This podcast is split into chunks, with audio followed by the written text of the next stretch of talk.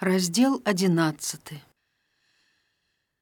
Да адпраўлення цягніка заставалася некалькі апошніх хвілін, а яна стаяла на платформе і плакала. Ніхто, відаць, яе тут не праводзіў, і ніхто не чакаў.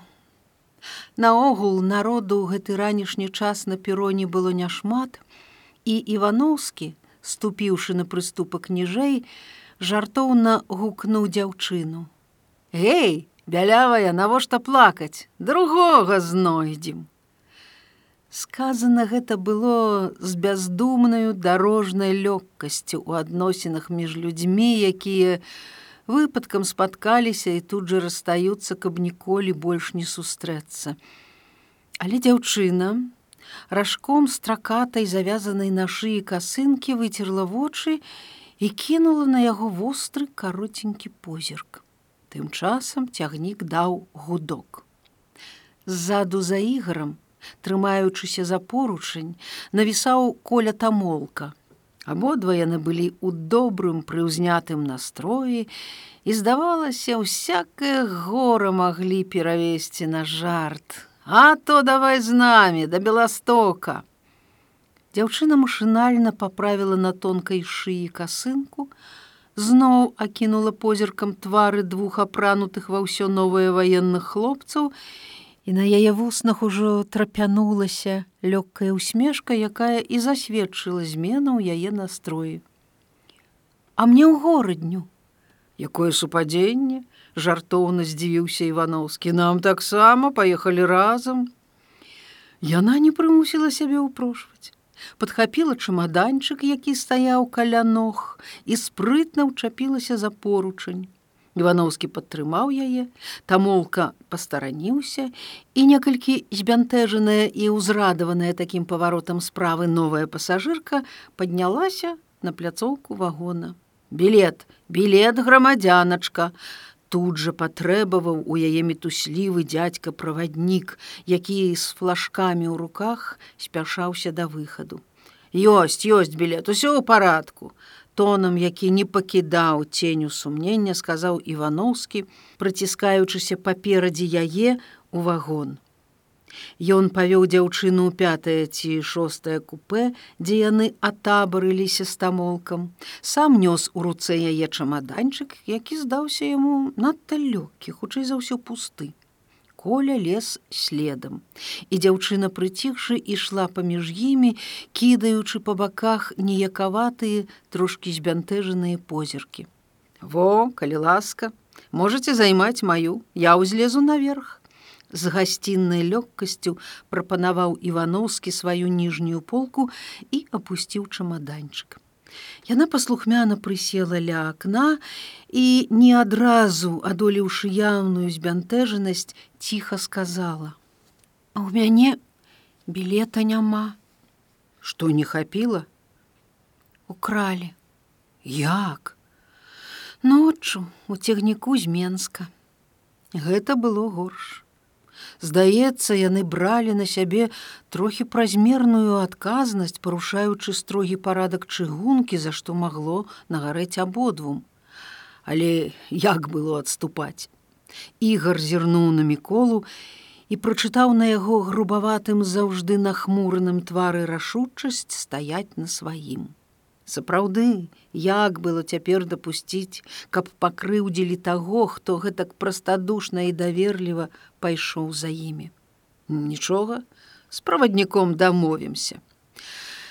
Але дамаўляцца мусілі не толькі з правадніком, а яшчэ і з рэвізорам, і з брыгадзірам цягніка, і перагаворы гэтыя скончыліся тым, што на нейкай станцыі, дзе неўзабаве спыніўся цягнік, Івановскі збегаў у вакзальную касу і ледзьве паспеў аформіць білет на ўжо занятае ёю месца. Білет быў да горадні. І дзяўчына прыкметна павесялела, нават заўсміхалася. Яна аказалася разгаворлівай і ўвогуле прыемнай дзяўчынай і хутка не без гумару расказвала ім аб сваіх дарожных прыгодах. Аказалася, што яна жыве ў горадні і ў Менск ездзіла да сваякоў, якіх ніколі не бачыла. І тут такое няшчасце ў вагоне.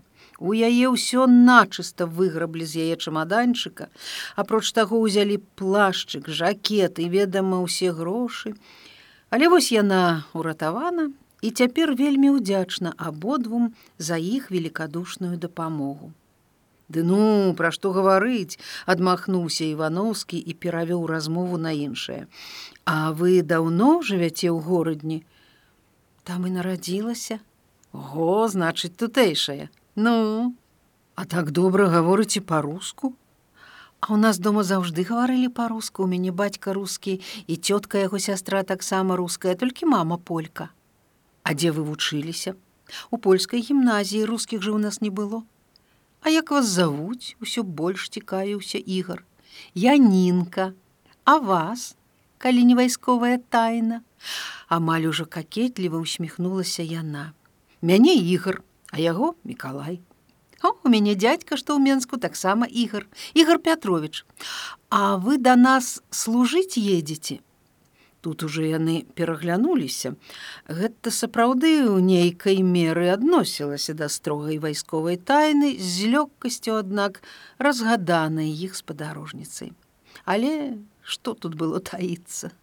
Сапраўды, тыдзень назад пасля сканчэння вучылішча яны атрымалі назначэнне ў армію, штаб якой размяшчаўся ў гэтай яе горадні. Падобна, што так, няпэўна сказаў Івановскі. А што гэтая горадня нішто гарадок?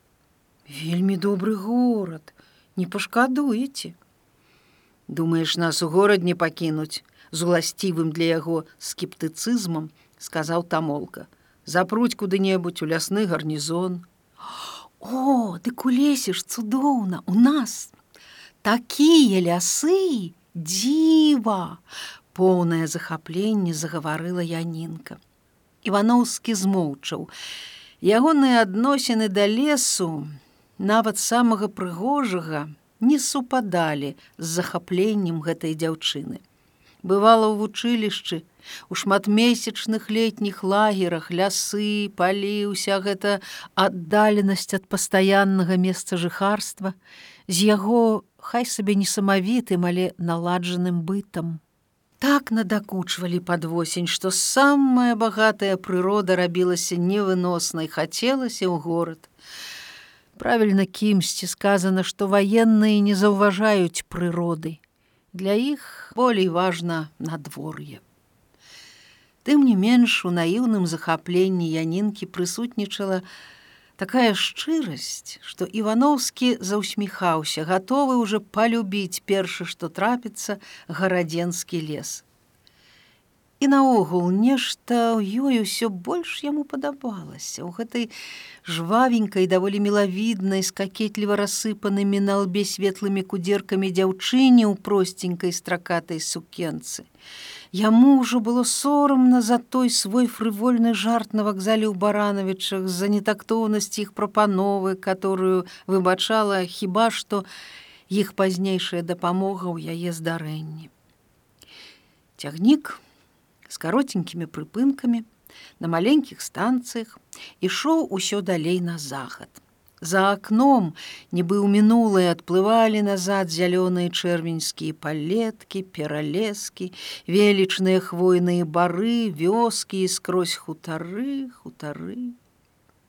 Івановскі ніколі не быў у гэтым баку Беларусі меней як за два гады уз'яднанай з яе ўсходняй часткай, і цяпер у ім нарадзілася шчырая цікаўнасць да ўсяго, што адносілася да гэтага невядомага для яго і, напэўна, такога натуральнага для янінкі жыцця. На нейкай невялікай станцыі іхні вагон спыніўся якраз насупраць маленькага прывакзальнага рыначка, і Івановскі, выскачыў на платформу, таропка накупляў у газету несамавітага сялянскага харчу, яек гуркоў вясковай каўбасы і нават міску гарачай разварыстай маладой бульбы. Пасля яны елі ўсе разам. Хлопцы клапатліва частавалі дзяўчыну, якая зусім ужо асвойталася ў іхняй кампаніі. Ахвотна смяялася, жартавала, смачна ядучы гуркі з бульбай. Пасля абеду Мабыць, штось сцяміўшы ў адносінах да яе ігара, Мікалай зважліва адышоўся і ўзлез на верхнюю полку паспаць. Яны ж засталіся ўдваіх, адно супраць аднаго раздзеленыя маленькім вагонным столікам. Яму было добра з ёй. Хоць ён усё яшчэ не мог да канца асіліць у сабе нейкае спазнелае пачуццё, неякаватасці, быццам якую вінаватасць за свае намеры. Хоць з самага пачатку ніякіх намераў у яго не было. Янінка ж, мяркуючы па ўсім адчувала сябе зусім натуральна і вольна. Яна зняла свае маленькія белыя на коркавай падэшве басаножкі і напяўшы на каленях караткаватую сукенку па-хатняму проста уладкавалася на цвёрдым сядзенні. Увесь час, з нейкай мілай хітрынкай, заглядваючы яму ў вочы. А ў нас ведаеце, Нёман, казала яна, менавіта так, на беларускі лад вымаўляючы гэта слово. І Івановскі унутрана усміхнуўся, прыпамінаючы сваё недалёкае дзяцінства, школу, вядомую паэму Якуба коласа і гэтую беларускую назву ніколі не бачанай ім ракі адразу под акном круты спуск. Дзве вярбы і плыты ля самага берага. Я там купаюся з плытоў ранечкай выбегу на рацэ яшчэ лёгкі туманок сцелецца. Вода цёплая як сырадой. Нідзе нікога так накупаюся што ўвесь дзень радасна. А мне болей азёры падабаюцца асабліва лясныя. У ціхае надвор'е прыгажосць сказаў ивановскі рэкі лепш што вы? У азёрах вода балотам смярдзіць а ў рэцы заўсёды праточная чыстая бы сляза. Улетку на рацэ рай ды што там? Вось прыедзем покажу спадабаецца. Мабыць сапраўды спадабаецца. Ён ужо быў упэўнены, што гэта штось незвычайнае домик, дзве вярбы на абрыве, плыты ля берага, з якіх можна ныраць у глыбокі імклівы нёман. І ён ужо маляваў гэта ў сваім уяўленні, хоць з вопыту ведаў, што самае багатае уяўленне ніколі не адпавядае сапраўднасці. У сапраўднасці ўсё інакш, горш або лепш, але менавіта інакш. Янінка паводзіла сябе з ім лёгкай вольна, так быццам яны даўно былі знаёмыя. А ён усё адчуваў нейкую невыразную скаванасць, якая не толькі не міналася з часам, але і яшчэ большала.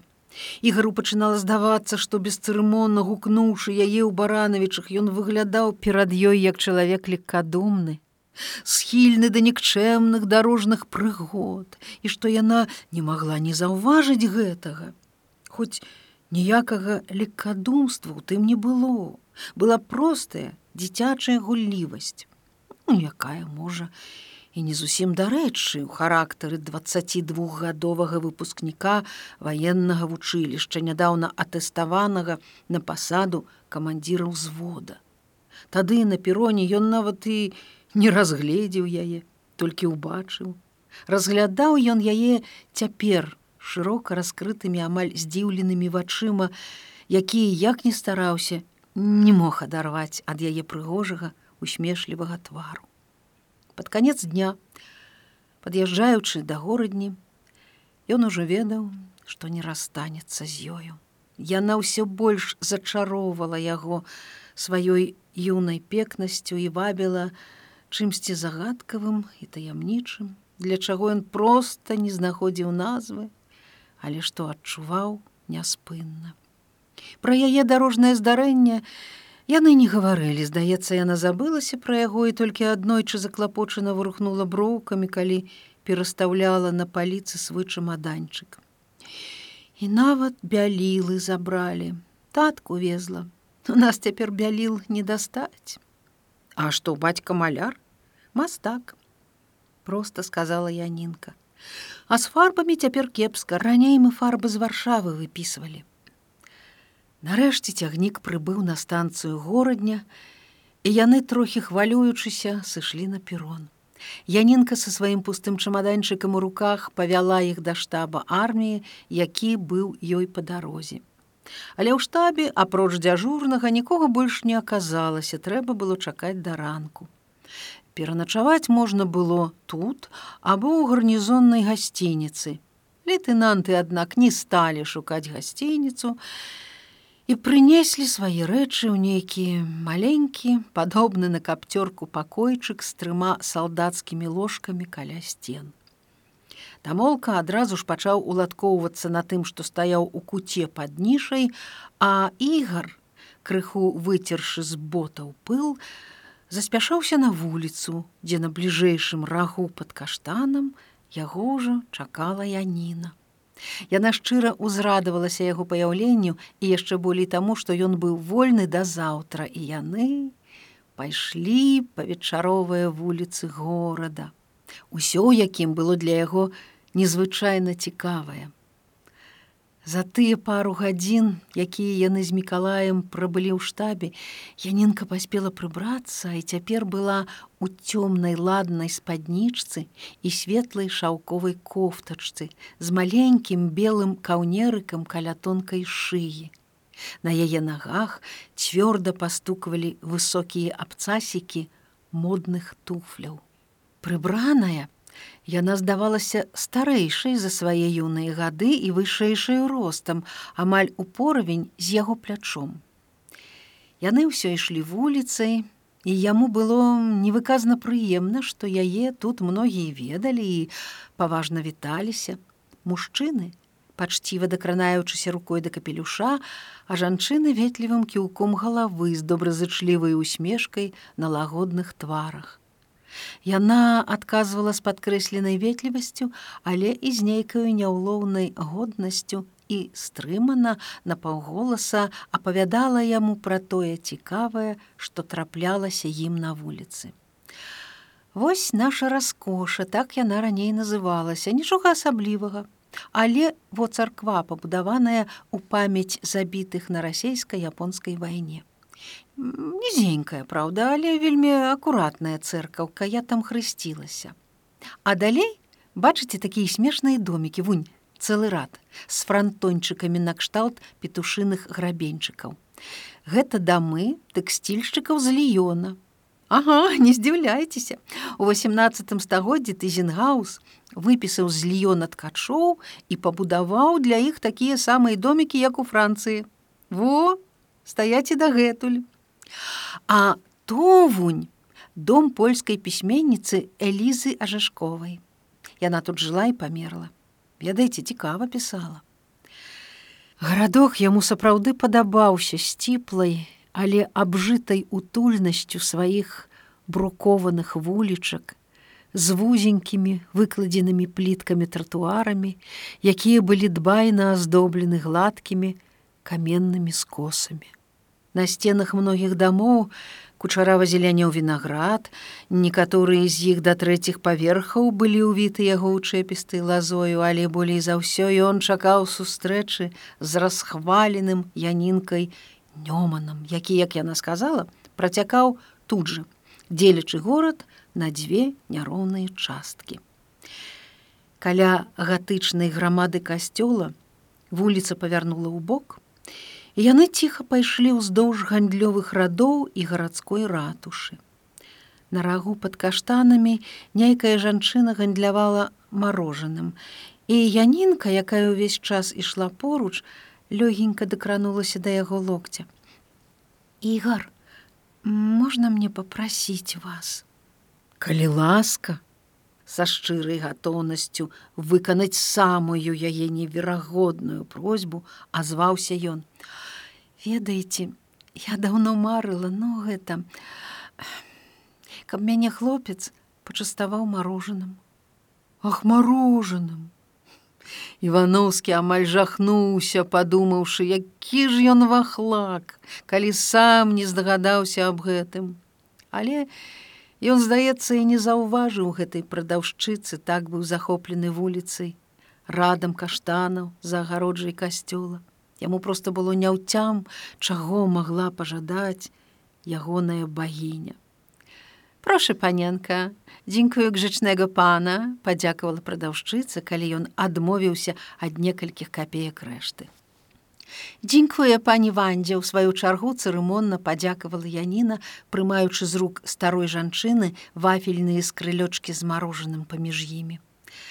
У канцы каротенькай вуліцы над ліпамі засвяціўся такі шырокі прасцяг, які можа адкрывацца толькі з вельмі высокага ўзгорка. І яны хутка выйшлі на каменны мост цераз роў. Гэта быў уезд у старажытны з паўразбуранымі сценамі замак. Па другі бок ад якога ў глыбіні парку высіўся раскошны палац за фігурнай рашоткай агароджы. Замак караля Польшчы Баторыя урачыста аб'явіла Янінка. А гэта новы замак. А цяпер зірні вонь туды. Бачыш? Ён зірнуў цераз каменны амаль у чалавечы рост парапет і ўнутрана ахнуў ад вышыні, на якой яны апынуліся. Далёка ўнізе па каменных прыступках лесвіцы рухаліся маленькія фігуркі людзей, якія расходзіліся па абодва бакі набярэжнай, што плаўна агінала бераг і дзесьці знікала пад густою навіссю дрэў. Ну, бачыш, як табе падабаецца? Хінучыся да ягонага локця пыталася Янінка. Старажытныя змураваныя з вялізных камянёў сцены замка, гэты цяжкі аграмадны перакінуты цераз каменную лесвіцу мост, вялізныя масівы зеляніны на пагорках, высачэзны, уладарны над горадам слуп гарадской каланчы паблізу, вядома, не маглі не спадабацца яму. І ён гатовы быў аглядаць усё гэта да вечара. А вось нёман з такой вышыні ніяк не ўразіў яго. Звычайная, сярэдняй велічыні, заціснутая высокімі берагамі рака. Помніцца азёрныя прасторы, куды з большую сілай краналі яго пачуцці. Затое янінка была ў захапленні менавіта ад нёмана і нязмоўчна шчабятала ля яго вуха. Паглядзі, паглядзі туды, бачыш, якое цячэнне, бачыш быстрак. Вунь там под вербамі такія веры, Ого, толькі сунься, закружыць панясе не выберыся. Яны прайшлі трохі назад і по той самай гранітнай лесвіцы спусціліся да ракі. Не, усё ж рака была цудоўная. Мабыць, з вышыні ён проста не ацаніў яе належным чынам. На яе правым беразе зелянела добраўпарадкаваная, абсажаная дрэвамі набярэжная. Справа высіліся вялізныя, пакрэсленыя сцежкамі адхоны з рэштаю крапасных сцен наверсе. Рака плаўным паваротам хавалася за недалёкімі абрывамі, на якіх высіліся суцэльныя шапкі вербаў. Там жа канчаўся горад і далей сінеў хвойны лес, за які садзілася сонца. Яны памалу ішлі ўздоўж нёмана, І Янінка ўсё гаварыла і гаварыла штось не вельмі абавязковае ў гэтую хвіліну вечаровага хараства. А ён думаў, як усё ж дзіўна ўладкавана жыццё. Да сённяшняй раніцы ён і не падазраваў аб яе існаванні на гэтай зямлі выпадкам убачыў яе у баранавічах і звярнуўся з дурным па сутнасці жартам, з якім, напэўна, не павінен быў бы звяртацца выхаваны малады чалавек. А цяпер вось, прабыўшы з ёй дзень, ён не ведаў ужо, як быць далей, далейшае жыццё без яе проста траціла для яго ўсю сваю радасць. Яны доўга ішлі так па беразе, І калі сонца зусім схавалася за зубчастаю сцяной лесу, павярнулі назад да горада. Слухаючы часты перастук яе абцасікаў побач, ён невыразна адчуваў, як штосьці ў ягоным жыцці дзівосна перайначваецца, набываючы невядомы, але вельмі дарагі яму сэнс. Ён быў рады таму, амаль шчаслівы побач ледзьве прыкметна струменіла бліскучая гладзь нёмана. Людныя ў дзень берагі нанач прыкметна пусцелі, стомленыя за дзень рыбакі адзін за адным складвалі свае вудзільны і ішлі ў горад. Між цёмных узбярэжных камянёў ціха плёхалі дробныя хвалі і зыбка гойдаліся чорныя, поўныя смалістага паху чаўны. Грамадныя вербы, навісшы над набярэжнай, клалі на яе густы змроку, якім адзін за адным знікалі прахожыя. У паветры чуўся саладкаваты пах дыму і даносілася прыціхлае вечаровае дыханне горада. У густым летнім змроку цёплыя ночы Янінка прыкметна пасмялела, напэўна, канчаткова адолеўшы тое, што раздзяляла іх удзень, і цяпер ішла зусім поруч, лёгенька дакранаючыся пальцамі да яго локця. Неяк неўпрыцям для яго яна перайшла на ты. Ён таксама некалькі разоў сказаў ёй ты, Абаім стала надзіва проста канчаткова зніклі дзённая няёмкасць і незразумелая нацягнутасць, якія нядаўна былі між імі. Як толькі яны ступілі пад вербы у густы вільготны змрок ночы, Янінка, нічога не кажучы, раптам кінулася лезці кудысь па травяністым схілі ў гору. Ён спыніўся ў нерашучасці, ашчаджаючы свае хромавыя выхадныя боты. Але яна з цемры падбадзёрыла яго давай давай і сама хутка полезла між калючых кустоў усё вышэй на кручу. Ён не бачыў, што было на версе, паўнеба там закрывала нешта падобнае на раскідзістую крону дрэва, але ён адчуў яе голасе змоўніцкі азарт таямніцы і таксама полез у зараснікі скінуўшы з ног туфлі. Янінка караскалася ўсё вышэй, зводдаль прыгаворваючы яму на паўголаса: « Зараз ты нешта пабачыш, зараз, зараз! Праз якую хвіліну ён адолеў самае крутое месца і хоць абадраў да крыві руку, але ўзлез на крайне шырокай, абнесенай рашоткай тэрасы, ад гладкіх камянёў якой яшчэ ішло прыемнае дзённае цяпло побач закрыўшы палову неба высілася магутнае старое дрэва і паднімалася стромкая сцяна нейкай будыніны. Вакол было ціха і цёмна. Знізу з-пад вербаў ледзьве даносіўся ціхі плёск нёмана пахла вапнай ад сцен і кропам ад недалёкіх напэўнага родаў ну ты зразумеў ты зразумеў, што гэта такое. А што? Каложа, во што! Дванаццатае стагоддзе ты зразумеў? Цяпер зразумеў, але каб паглядзець, пабачыш, просто запэўніла Янінка, паспееш, а цяпер ідзі сюды, Яна зноў матлянулася ў цемру, лёгенька пролезла праз негустую рашотку агароджы, нырнула ў пралому сцяне, і яе светлая кофтачка зусім знікла ў змроку. Каб не згубіць яе, ён заспяшаўся следам, пакуль не апынуўся на невялікім глухім травяністым двары. Неба тут спрэс закрывалі дрэвы, было цёмна, і ў гэтай цемры ледзьве угадвалася шэрая сцяна побач прыслухоўваючыся да наваколля замерла побач янінка. Але вакол было ціха быў склепе і яна падкралася да нізенькіх дзвярэй у нішы. Там паклала ў долі туфлі і пацягнуўшы да сябе дзверы па-змоўніцку шапнула яму. Лезь! Ён ледзь прашчаміўся ў вузкую шчыліну Затым знутры таксама падтрымаў дзверы, каб магла пралезці яна. Калі дзяўчына апынулася побач, дзверы самі сабой зачыніліся і абаіх агарнула такая цемра, што ён зусім перастаў бачыць яе. І каб не згубіць, лёгенька прытрымліваў яе за плечы. У насцярожанай цішыні у версе штось заварушылася, залапатала. Янінка здрыганулася ў ягоных руках, але тут жа паспяшалася супакоіць яго не бойся, то галубы. Я не баюся, шэптам адказаў ігар, хоць яму было і цікава і страшнавата адначасна.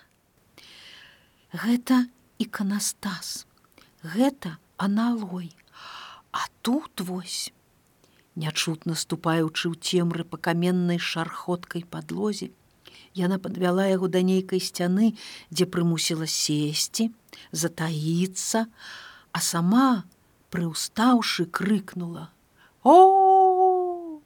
О! адгукнулася ў розных месцах мноствам таямнічых галасоў, ад якіх яму зусім ужо стала страшна. О! паўтарыла яна мацней, О! пакацілася кудысьці далей, Мабыць, пад нябачнай у цемры скляпенні прытвораў і нарэшце заглухла ў гары, напэўна, у званіцы. Галаснікі, зразумеў, ціха шапнула янінка. Якія галаснікі, Не ведаеш, Эх ты, ідзі сюды. Во сюды, сюды. Яна зноў павяла яго ў цемру, трымаючы за руку, як ведушчы водзіць сляпога, дзесьці спынілася, лёгенька таўханула ў бок. Во, мацай, Ты ж вялікі, напэўна, дастанеш, Ён пачаў мацаць цагляную сцяну, пакуль не наткнуўся рукамі на нейкія гладкія адпаліраваныя дзіркі ў ёй. Але зразумець нічога не мог. Хоць ні пра што не пытаў ужо і не дзівіўся. Ён ужо прывык за сённяшні дзень да такога мноства загадак і ўражанняў, што, каб разабрацца ў іх, напэўна, патрэбны быў час. А часу якраз было мала самая кароткая ноч у годзе хутка імкнулася насустрач дню і калі яны выбраліся з царквы над горадам ужо гаслі зоркі і далёкі сонечны водсвет затрапятаў на ўсходнім ускрайку неба. Янінка таропка не даючы ігару апамятацца гаварыла і гаварыла штосьці аб тым значным і цікавым што бачыла ведала чым абавязкова хацела падзяліцца з ім. Падхапіўшы ў руки туфлі яна ўжо лезла кудысьці раскалючыя зараснікі на абрыве і ён ледзьве спраўляўся за ёю уже не клапоцячыся пра свае выхадныя боты якім напэўна дасталося за гэтую ноч. Ідзі, ідзі сюды, ну што ты такі непаваротлівы, не бойся, не ўпадзеш, я падтрымаю. Яны пералезлі змрочны глыбокі роў і зноў выйшлі на бераг зусім яшчэ соннай, засланай лёгкім туманам ракі. Але Янінка пабегла і яшчэ ніжэй, па голых камянях да вады. Ідзі сюды, Пакуль татка спіць, я табе пакажу мой кветнік. Ужо зацвілі мацейкі, пахнуць на досведку страх. Слізгаючы на скураных падэшвах, ён спусціўся па каменным адхоне ўніз да лодкі, у якую залезлі абое, і Янінка з адным вяслом у руках пачала разварочваць лодку уздоўж пацячэнні. Так бліжэй будзе, а то па мосці пакуль абыдзеш, якая ты аднак сказаў ён не стрымаўшы свайго захаплення. Якая? Нядобрая правда нядобрая цудоўная дзе там цудоўная бо прачнецца татка будзе гэтай цудоўнай моцнае цячэнне на сярэдзіне панесла лодку ўніз але яна неяк выграбла адзіным вяслом да берага і хутка яны падплылі да нейкага дашчанага плота пад тоўстымі камлямі вербаў. А ну хапайся, а то панясе. Ён паспеў ухапіцца за слізкі гнілаваты слупок у вадзе, Яна выскочыла на бераг, і яны выцягнулі лодку на траву.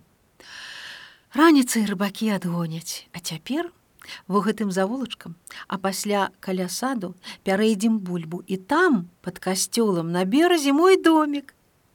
Ты не вельмі стаміўся. Раптам клапатліва запыталася яна, заглядваючы яму ў вочы. Не, нічога. Яны пайшлі ускраенным парослым вільготную муравой завулкам. Яна ўсё несла ў абедзвюх руках свае туфлі, на хадзе трошки дакранаючыся да яго плячом, і ён праз тонкую тканіну кофтачкі адчуваў цяпло яе цела, чуў яе блізкае зморанае дыханне, незразумелы пах яе валасоў і думаў, як яму здорава пашанцавала сёння. Ён ужо быў удзячны сваёй нявыхаванасці, якая дазволіла яму той недарэчны жарт у баранавічах, удзячны гэтаму гораду з яго старажытнасцю і гэтай ночы, такой непадобнай на мноства пражытых ім начэй. Янінка! Ціха паклікаў ён, набліжаючыся да яе ззаду, але яна толькі таропка набавіла кроку. Янінка! Во абыдзім гэтую хатку, пасля павернем на сцежачку, перабяжым цераз сад, Янінка, давай, давай, не адставай, а то хутка татка ўстане, да як спахопіцца аброслую дзядоўнікам сцежкай уздоўж плота яны ўзлезлі вышэй пачынала світаць побач у росным змроку садоў яшчэ драмала занёманне. Добра ўтаптаная сцяжынка вывела іх на край бульбянога поля скрозь усыпанага белымі зоркамі кветак. Дужа пахла маладым бульбоўнікам і свежай роснай зямлёй. Янінка таропка ішла наперадзе, і ён, шоргаючы ў бульбоўніку сваімі ботамі, ледзьве спраўляўся за ёй. Ужо зусім блізка на светлым ускрайку неба відаць былі стромкія купалы касцёла, за якімі дзесьці ў цёплай начной вадзе ціха плёскаліся яе плыты. Заставалася прайсці, яшчэ можа сотню крокаў, якія аддзялялі іх ад касцельнай агароджы, як у начной цішыні яшчэ соннага горада з'явіўся нейкі чужы, незразумелы, настойлівы гул. Янінка наперадзе адразу ж спынілася. Што гэта? Што гэта гудзе? Гэта самалёты? Так гэта набліжаліся ў небе самалёты. Але ён проста не верыў, што так недарэчна і не ў час можа пачацца тое самае страшнае, што ўсе апошнія дні благім прачуваннем жыло, мацнела, прыгнятала людзей, хапаючыся за слабенькую надзею, што можа яны памыляюцца, ён душыў у сабе страх і чакаў, але памыліцца было немагчыма. Спалоханая янінка, быццам шукаючы абароны кінулася да яго і толькі ён паспеў яе абняць як шэраг блізкіх магутных выбухаў кінуў іх на цвёрдае сцебле бульбоўніку. Ранні світанак асвятліўся серыяй вогненна-чорных бліскавак, тугія гарачыя хвалі ударылі яму спіны, густа закідалі бульбоўнік зямлёй, Як толькі мінуўся першы грымотны грукат, ён падхапіўся, Янінка таксама ўскочыла побач і з паблытанымі на галаве валасамі у запэцканай кофтачцы невядома навошта старалася надзець на брудную нагу свой туфель, аглушаны выбухамі, ён не адразу пачуў яе на дзіва аслабелы голас, якім яна гукала яму: На мост бяжы, хутчэй на мост там, за касцёлам мост. Но ведама, яму трэба было на мост у штаб. Ён ужо разумеў, што здарылася і іначай не мог. Не азірнуўшыся болей, праз грымотныя удары выбухаў, падаючы і ўскокваючы. Ён памчаўся на мост, несучы ў збянтэжанай свядомасці ледзьве ухопленае зрокам аблічча дзяўчыны з чорным бліскучым туфлем у росным бульбоўніку.